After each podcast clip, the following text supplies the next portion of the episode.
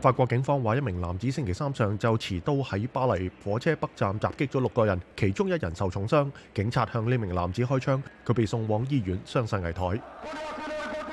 孟加拉反對派示威者星期三涌入首都达卡同其他九個城市嘅街道，要求總理谢克哈西拿辭職，並且舉行新嘅選舉。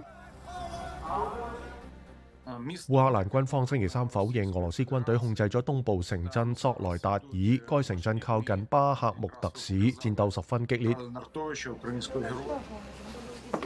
乌干达卫生部长星期三宣布，该国嘅伊波拉病毒已经终结，过去四个月已经导致咗五十五人死亡。